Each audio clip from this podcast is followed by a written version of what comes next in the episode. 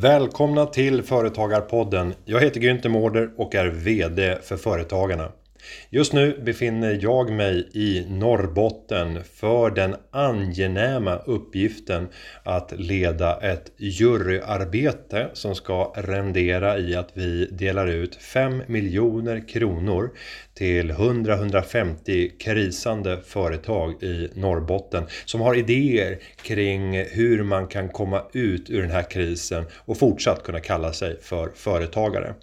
Bakgrunden till att vi kan göra det här det är tack vare en donation som har kommit från Facebook som bedriver verksamhet just i Norrbotten, specifikt i Luleå där man har ett stort datacenter.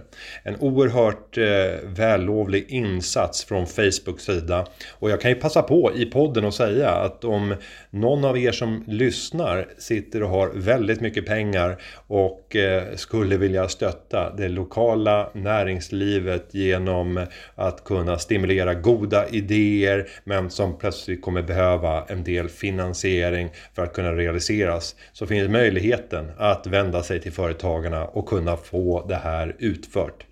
Eh, jätteroligt att kunna göra det här. Men den här veckan så ska vi fokusera på någonting annat. Nämligen hur läget ser ut i eh, svensk ekonomi när vi ställer frågan till småföretagare. Företagarna tar varje år fram en konjunkturbarometer som eh, är den största i sitt slag och som ger svar på hur förutsättningarna ser ut för framtiden men också hur de senaste 12 månaderna uppfattas från de här företagarna som har mellan 1 och 49 anställda. Och för att kunna besvara det här så har jag till min hjälp vår alldeles egna chefekonom som gäst. Och honom kommer jag att koppla upp i en intervju nu eh, från Stockholm. Så att eh, jag hoppas att tekniken är med oss och eh, därmed så ska vi koppla in vår gäst.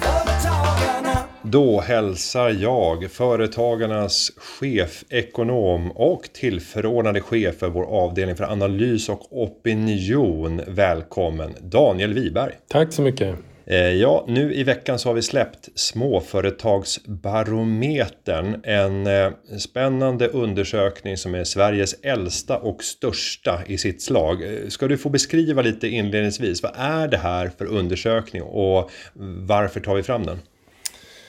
Ja, nej men precis som du sa, det här är faktiskt Sveriges äldsta konjunkturundersökning i sitt slag och vi har gjort den sedan 1985. Och det vi gör det är att vi frågar över eller 4 000 företagare runt om i hela Sverige. Så det är inte bara våra medlemmar utan det är företagare runt om i hela landet. Eh, hur de ser på föregående 12 månader och de kommande 12 månaderna sett till sysselsättning orderingång, omsättning och lönsamhet. Av det här bygger vi då en konjunkturbarometer, det vill säga hur de ser på konjunkturläget och, den, och en prognos för de kommande 12 månaderna. Eh, den här serien, den här historiska serien har visat sig vara mycket träffsäker. Så den beskriver väldigt bra konjunkturläget då bland de mindre företagen. De företag som finns här i urvalet har mellan 1 och 49 anställda. Med det så innebär det ju att vi har alltså data samlade från tidigare kriser. Vi kan gå tillbaka till 90-talskrisen, vi kan gå tillbaka till IT-bubblan som sprack och finanskrisen och se hur det slog mot förväntningarna. Om vi tittar på årets eh, barometer så vet jag att den gick ut första mars och sen ställde vi frågan till 4000 företagare under sex veckors tid. Det här var ju en ganska extrem period att ställa frågor kring. De som har svarat innan den 12 mars var i lite annan sinnesstämning än de efter 12 mars. Vilka möjligheter och vilka problem ser du med de resultaten vi har fått i år? Ja, nej, men det här är ju en undersökning som har gjorts flera gånger så att den är ganska robust i sin metod. Det gör att det är ganska tydligt för företagarna vad de ska svara på, det vill säga när vi frågar om de föregående 12 månaderna så är det de man syftar till. Sen var det givetvis så att i mars så slår liksom effekterna av coronaviruset och regeringens åtgärder till ordentligt mot företagen. Det gör att prognosen, förväntningarna för de kommande 12 månaderna faller dramatiskt. Man kan verkligen säga att förväntningarna går genom golvet. Eh, det här kunde vi se och vi gjorde en liten delrapport då bara för att liksom visa att, att förväntningarna på framtiden nu förändras så enormt mycket i och med att den här smittspridningen tilltog då under mars månad. Men i övrigt så är resultaten väldigt stabila. Och de visar ju också att konjunkturavmattningen den såg vi redan innan coronakrisen slog till. Det tycker jag är ett viktigt resultat. Jo, för när företagen tittar tillbaka på de senaste 12 månaderna så sjönk ju den här barometern för tredje året i rad och sen när man blickar framåt så störtdyker den. Eh, är det här unikt skulle du säga givet den data vi har sedan 1985? Ja, det som gör det unikt det är väl att det här fallet är så dramatiskt. Vi pratar verkligen om en ekonomisk, nästan en samhällsekonomisk kris här på sikt. Eh, I värsta fall så blir det också en mer lång, långdragen lågkonjunktur. Och då är den i nivån, som du säger, med finanskrisen, kanske till och med med 90-talskrisen. Vilket ställer enorma utmaningar då för det svenska samhället och för politiken som måste reformeras för att liksom skapa förutsättningar för en nystart. Det som kännetecknar den här perioden är ju som du var inne på att för tredje året i rad så ser vi faktiskt en avmattning i konjunkturläget. Nu förvärras det här av eh, coronakrisen.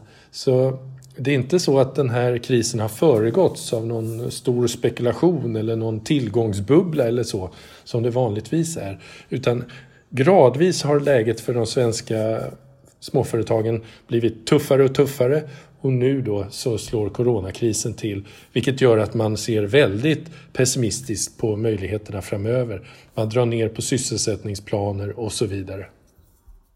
Och man hör ju ofta ekonomer göra jämförelser både med 90-talskrisen och i värsta fall också 30-talsdepressionen. Men om vi ska beskriva sannolikheten för att vi kommer få se motsvarande effekter och då pratar vi då om en massarbetslöshet. Eh, det här i tidigare kriser fick, fick ju också till följd att eh, Eh, fastighetspriser och vanliga huspriser störtdök också. Om du tittar utifrån ett sådant scenario, är det här sannolikt att vi kommer att få se även efter den här krisen? Ja, det tror jag faktiskt inte. Där kan man nog ändå vara lite mer optimistisk.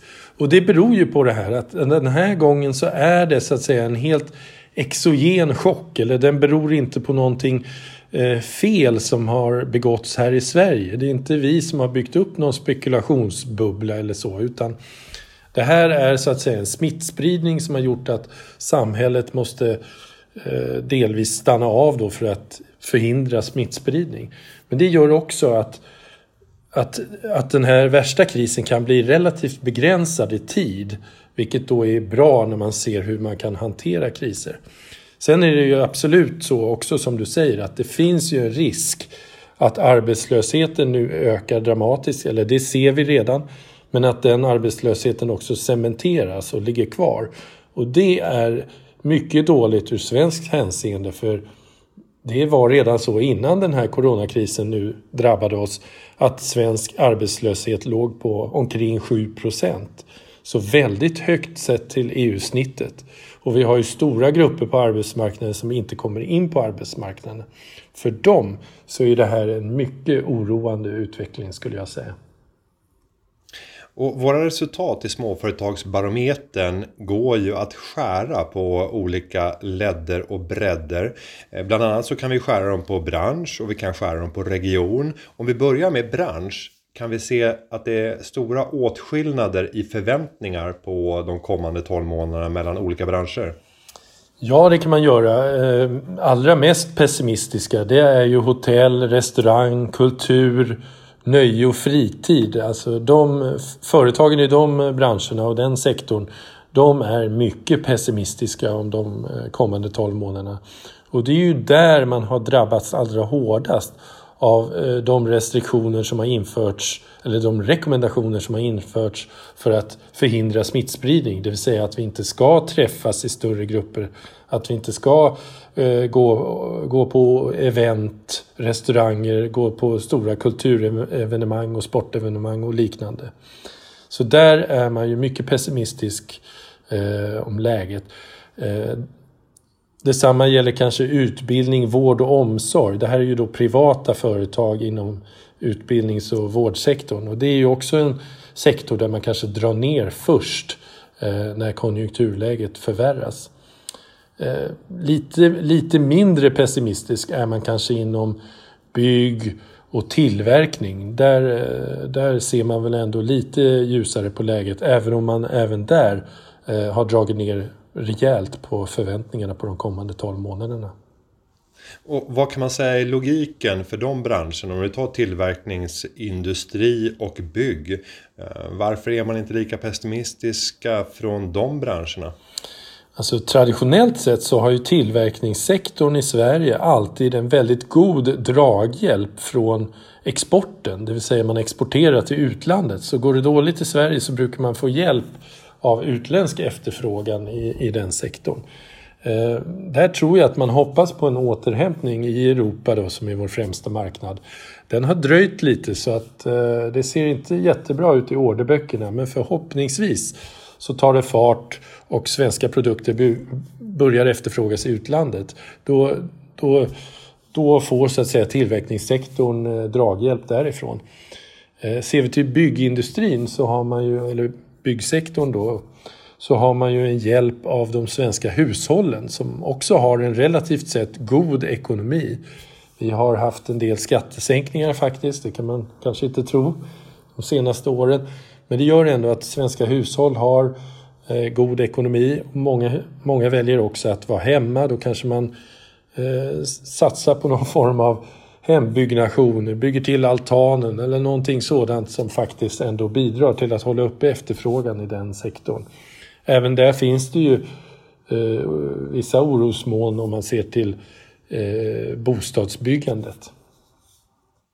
Ja, och du är inne på ett område som för mig blir ganska eh, provocerande när man tittar på hur den här krisen har slagit mot eh, olika individer i samhället. Och då brukar jag ta exemplet när man tittar på den enskilda företagaren som driver en verksamhet som plötsligt befinner sig i ett läge där all omsättning, eller mesta delen av, av omsättningen bara försvinner.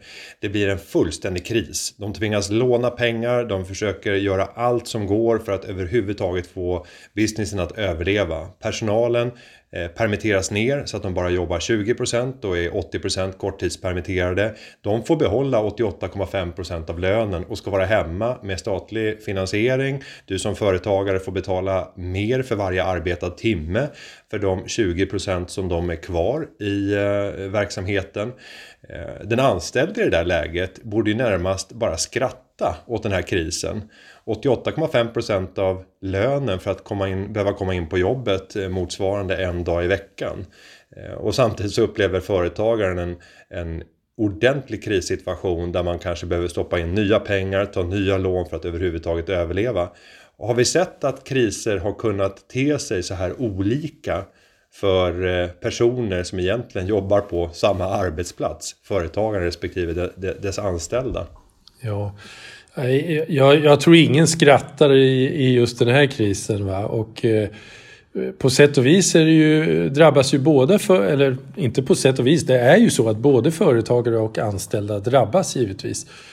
Det jag tycker är problemet det är ju att politiker ofta pratar som stödåtgärder går till företagare. Men vad det handlar om det är ju att skapa möjligheter för företagen att överleva, att övervintra verksamheterna så att verksamheterna kan fungera, så att jobben kan räddas. För blir det så att väldigt många personer blir av med sina jobb då skapar det enormt stora samhällsutmaningar på sikt med utanförskap och så vidare.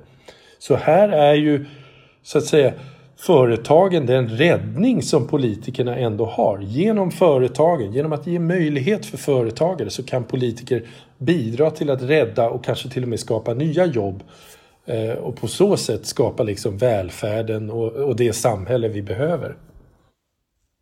Men om vi går tillbaka till småföretagsbarometern och resultaten ja. där och skär dem på regioner. Sverige är ett avlångt land och förutsättningarna är dramatiskt skilda mellan olika regioner. Vad kan vi se i barometern avseende skillnader i synen på framtiden? Ja, det allra tydligaste resultatet det hänger nog ihop med den här sektorn eh, som jag sa var hårt eh, drabbad, alltså turist, hotell, restaurang. Och det är då Gotland, Gotlands län. Där har företagen mycket lågt ställda förväntningar på de kommande 12 månaderna. Och det hänger ihop med att man nu ser ett stort intäktsbortfall under våren. Eh, en sån viktig sak som Almedalen är inställd i år, vilket ju är en enorm eh, intäktskälla för många företag på Gotland. Eh, I andra änden så har vi traditionella tillverkningslän som Värmland, Jönköpings län. Där har det väl ändå då relativt sett gått lite bättre så där är man lite mer positiv. Eh, och det speglar sig framförallt i sysselsättningsförväntningarna. Man, man har ökat sysselsättningen något under senare år och, eh, och man är något mindre pessimistiska än andra län. Men, men det hänger mycket ihop med vilken branschstruktur man har helt enkelt. Och att arbetslösheten kommer att fortsätta stiga, det är ju en lågoddsare. Men om vi blickar framåt och tänker att vi har tagit oss ur krisen och ekonomiska hjulen börjar snurra igen, för det vet vi att de kommer göra, eh, sen vet vi inte hur lång tid det kommer ta. Kommer arbetsmarknaden att se likadan ut och att folk kommer kunna återvända successivt i sina jobb efter en viss period oavsett om det är ett halvår eller ett år eller två år av arbetslöshet? Tror du att vi kommer få se en sån utveckling eller kommer det te sig på ett annorlunda sätt? Ja, delvis är det nog så att många kommer kunna gå tillbaka till sitt jobb, till sin verksamhet ungefär som tidigare. Fast många kommer nog också märka att vi har nya sätt att arbeta. Vi har kanske vant oss vid en del digitala lösningar. Eh, I många företag kan det vara så att man faktiskt har skurit ner på verksamheten på ett sätt som också gör att hela verksamheten minskar och då försvinner ju också jobben. Så att jag tror vi kommer påskynda en, en eh, omställning mot mer digitala eh, arbetssätt, eh, mot kanske till och med automatisering i vissa fall. Eh, vilket gör att vissa jobb inte kommer komma tillbaka. Samtidigt som jag också är rädd då att många företag också gör vissa eh, kostnadskorrigeringar som också bidrar till att vissa jobb inte kommer tillbaka. Så jag är väldigt oroad över att vi kommer få se en bestående arbetslöshet som är betydligt högre än vad vi, vad vi hade före krisen. Som jag sa, före krisen låg den svenska arbetslösheten på cirka 7 procent. Det är framförallt grupper som står längre ifrån arbetsmarknaden som har svårt att komma in på arbetsmarknaden som befinner sig där. Nu har vi en kraftig ökning och fram mot sommaren så tror de flesta prognosmakare, inklusive jag, att eh, arbetslösheten kommer hamna på omkring 10 procent. Så att det, eh, det är en dramatisk ökning. Och om, den, om vi inte får till då en politik som underlättar jobbskapande i småföretagen, ja, då kommer arbetslösheten fastna på den här höga nivån. Och då riskerar vi att få ännu svårare utmaningar i samhället med utanförskap, med kanske till och med brott och den typen av eh, frågor som hänger ihop med ett ökat utanförskap. Så att, eh, det tycker jag är en mycket oroande utveckling och därför hoppas jag verkligen att politikerna nu tar tillfället i akt, fokuserar på tillväxt och jobbskapande. Hur kan vi få fler företag att ta steget att anställa, att växa, skapa jobb och välfärd? Och om vi är inne på de frågorna och tittar på vad man från politiskt håll kan göra. För det är helt uppenbart att ja, de vill skapa så många jobb som möjligt. För det underlättar för hela samhällsbygget. Ju fler som är med och deltar i, i arbetskraften, desto mer skatteintäkter rinner in och desto mindre bidrag och transfereringar behöver man skicka från offentligt håll ut till individer. Vad behöver man från politiskt håll göra för att slippa en situation där man tvingas tampas med en arbetslöshet på 10% med alla de problem som det kan innebära. Ja, det är ju det här vi ekonomer pratar om strukturreformer. Men med det menar man egentligen mer grundläggande reformer som faktiskt förändrar vår, våra arbetssätt och samhället i stort. Jag tycker två bra exempel det är ROT och RUT-reformerna som ju var väldigt omdiskuterade innan men som sen skapade hela marknader så att säga Dessutom så minskade svartarbetet väldigt mycket när folk hade råd att efterfråga tjänster från företag istället, från, istället för, för eh, svartarbete så att säga. Eh, men det jag i grunden tror behövs det är en förändrad attityd från politiker och beslutsfattare. Vi behöver politiker som ser betydligt mer positivt på företagare än vad man har gjort hittills. Just nu tycker jag många politiker fortfarande pratar om företagare nästan som nästan som fifflare. Va? Att man ska jaga skattefusk och så vidare. De flesta företagare jobbar ju så att säga för att skapa rätt förutsättningar och det gör man ju inom ramar och regler. Man, man blir inte en framgångsrik företagare genom att fiffla. Så att jaga företagare eh, för att hitta fifflare, det är fel väg att gå.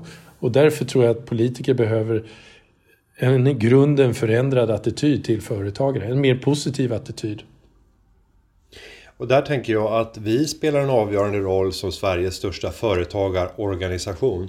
Om du tittar på vår möjlighet att kunna påverka de här attityderna, vad tror du är viktigast från vårt perspektiv att fokusera på? Alltså det är ju viktigt att förklara för politiker vad, vad Sveriges småföretag betyder. Vi gör ju en rad olika rapporter och så vidare. Vi har serien Välfärdsskaparna som beskriver hur stor andel av kommunala skatteintäkter som kommer till genom småföretagen. Vi visar i Småföretagsbarometern hur företagens förväntningar kan påverka ekonomin i stort. Det här handlar hela tiden om att kontakta politiker, att i olika sammanhang medialt och individuellt försöka förklara varför småföretag är så otroligt viktiga för svensk ekonomi och för de resurser som politiker gillar att debattera hur man ska fördela i samhället. Och om vi ser från företagarnas perspektiv och tittar på önskvärda reformer. Eh, när vi kommer ut ur den här krisen så kommer det behövas olika stimulanser och vår finansminister pratar om att ha mycket hö på loftet för att kunna plocka fram det och rivstarta Sverige efter krisen. En sån rivstart, med reformer. Vad eh, står överst på vår önskelista? Jag tror framförallt att det är tre områden som behöver reformeras. Det första det är väl det här med regelbördan, att det blir allt krångligare, administrativt tungt att driva företag i Sverige. Eh, det finns uppskattningar som visar att regelbördan omräknat till kostnader ökar med storleksordningen 1,2 miljarder om året för småföretagen. Det är en orimlig utveckling. Så här måste vi göra det enklare och eh, enklare helt enkelt att driva företag. Eh, det ska ju också vara roligt. Man ska inte känna att det blir administrativt tungt att driva företag. Ett annat område är ju skattesystemet. Vi måste se till att det finns incitament, att det är lönsamt att driva företag. Annars är det bättre att vara anställd och då får vi inte de här jobbskaparna och omvälvande företagen som vi behöver i samhället. Sen, nu, mer än någonsin när vi ser att arbetslösheten ökar så behöver vi jobba med kostnaderna och ansvaret som är förenat med att anställa. Sverige har ju väldigt höga arbetsgivaravgifter Eh, och det är givetvis en stor utmaning om vi samtidigt har en stor arbetslöshet. Om vi sen går över och tittar på hur vi bedriver vårt påverkansarbete. Och där kan vi båda ge perspektiv på det. Men du sitter ju nu som ansvarig för avdelningen analys och opinion. Eh, där finns 17 stycken olika experter som eh, har olika ansvarsområden för politiska områden. Hur sker det här politiska påverkansarbetet som eh, företagarna bedriver? Ja, det sker ju på väldigt många nivåer och jag är väldigt glad att vi har så duktiga experter. För det har ju verkligen visat sig nu under den här krisen att både politiker och ansvariga myndigheter har behövt och efterfrågat expertkunskap i de här olika frågorna.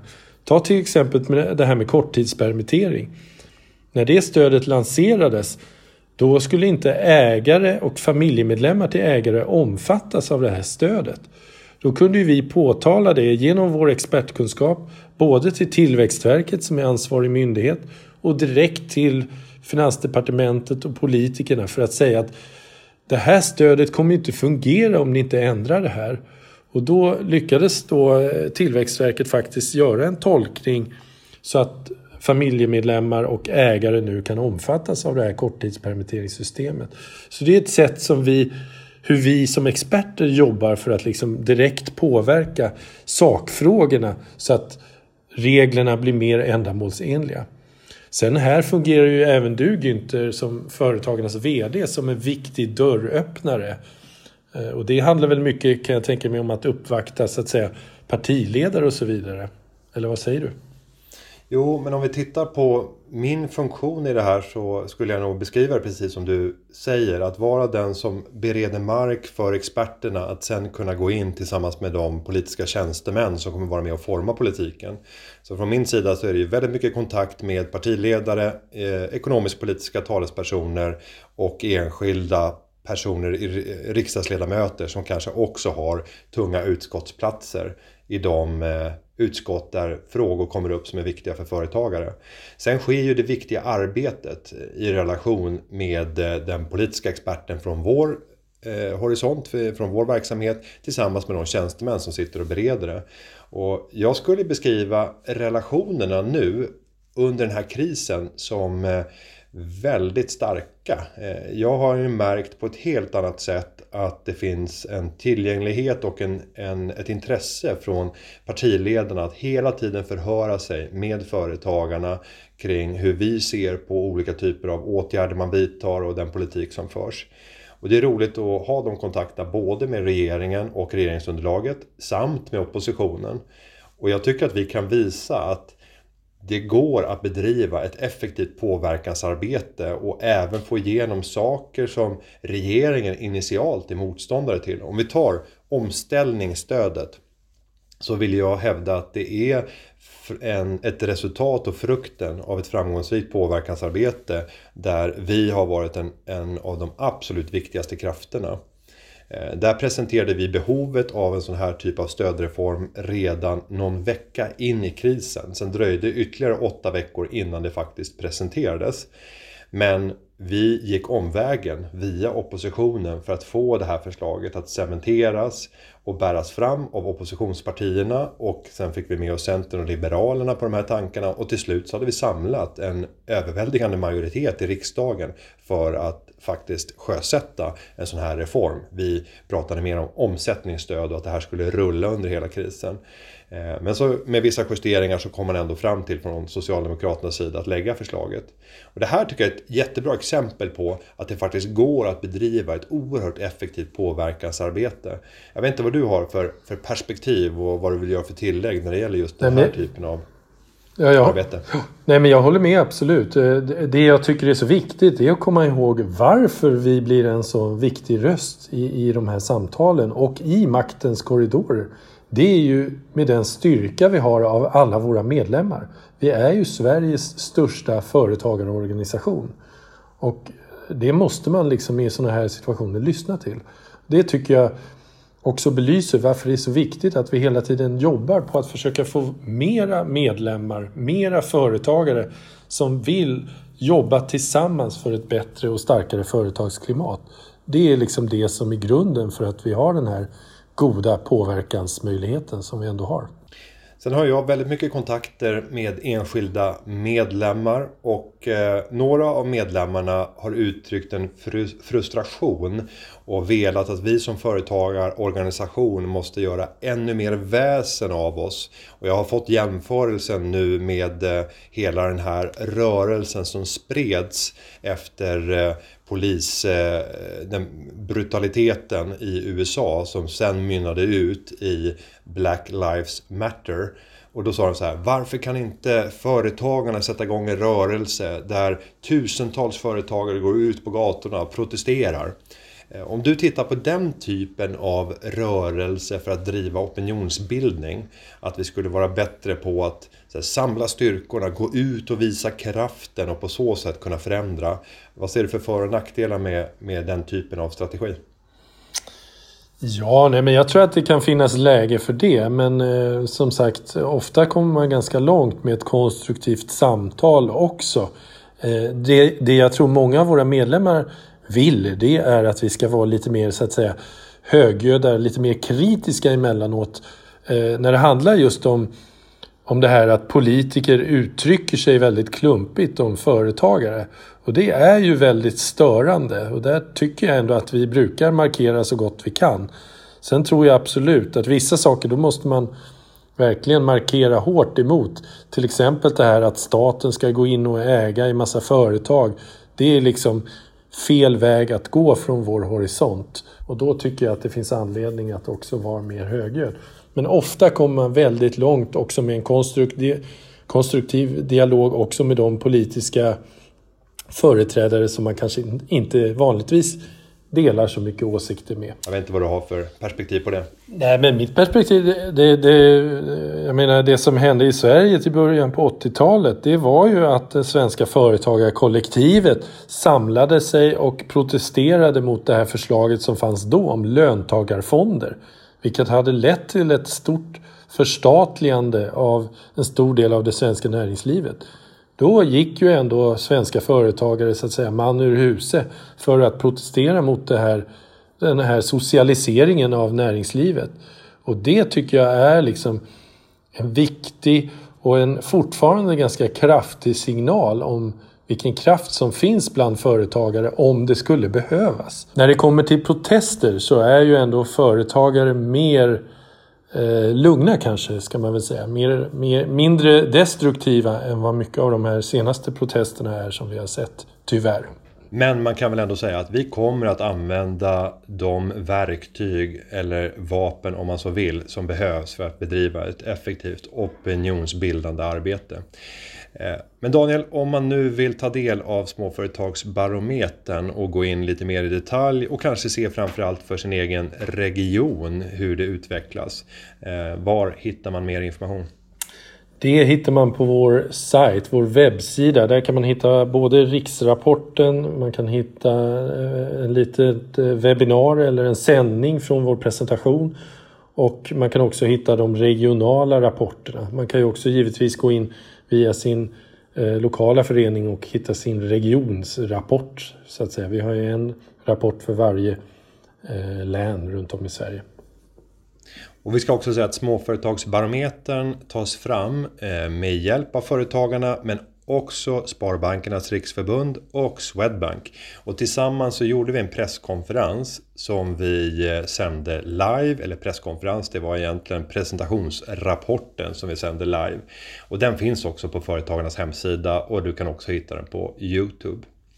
Men med det Daniel så tänker jag släppa ut dig i eh, friheten, förhoppningsvis i det eh, vackra vädret eller framför skärmen igen. och säga stort tack för att du eh, var med i Företagarpodden. Tackar! Och där är jag tillbaka igen ensam i Norrbotten och eh, ja, skickar väl bara med en reflektion kring att eh, vikten av att ha en stark företagarorganisation är eh, oerhört stor. Företagarna behövs för att kunna tala med en samlad röst för företagandets villkor. Jag har aldrig mött en företagare som inte har åsikter, som inte vill vara med och förändra. Men jag har sällan mött företagare som har tiden som behövs för att faktiskt bedriva det här arbetet. Och det är just därför Företagarna finns. Vi ska kunna vara den organisation som lyssnar in företagare och förstår vad är det landets företagare vill se rent politiskt. Sen ska vi med hjälp av våra politiska experter kunna bedriva ett påverkansarbete som gör att vi för oss i en rätt riktning. Daniel var också inne och pratade om de här attityderna från politiskt håll till företagare. Och där är en viktig uppgift för oss från företagarnas sida att se till att de där attityderna förändras. Det gör vi genom att ständigt påminna om småföretagens betydelse för att kunna finansiera vårt gemensamma välfärdsbygge. Hur mycket skatteintäkter som egentligen kommer från småföretagen. Hur många jobb som skapas av småföretagen. Genom att hela tiden tjata om det här så tror jag att vi successivt bygger upp en insikt kring småföretagens betydelse för landet och landets utveckling. Vill du som företagare ha mer information och eh, kunskap kring hur du kan hantera den pågående krisen? Glöm inte att besöka Företagarnas hemsida Där har vi skapat en specialsida där vi samlat all information och inspiration eh, kring Eh, den här krisen och framförallt eh, information om hur och vad som gäller kopplat till de krisreformer som har presenterats. Gå in på företagarna.se för att ta del av den informationen. Och den är också öppen och tillgänglig även för dig som ännu inte är medlem. För dig som är medlem så kan du också ringa in till vår juridiska rådgivning där jag så sent som den senaste månaden har kunnat välkomna ytterligare tre stycken nya rådgivare. Vi har förstärkt rådgivningen för att kunna bibehålla och till och med öka servicegraden till medlemmarna i den här krisen. De svarar på dina frågor eh, som rör juridiska spörsmål och det är kostnadsfritt så fort eh, eller så länge det går att lösa ärendet över telefon.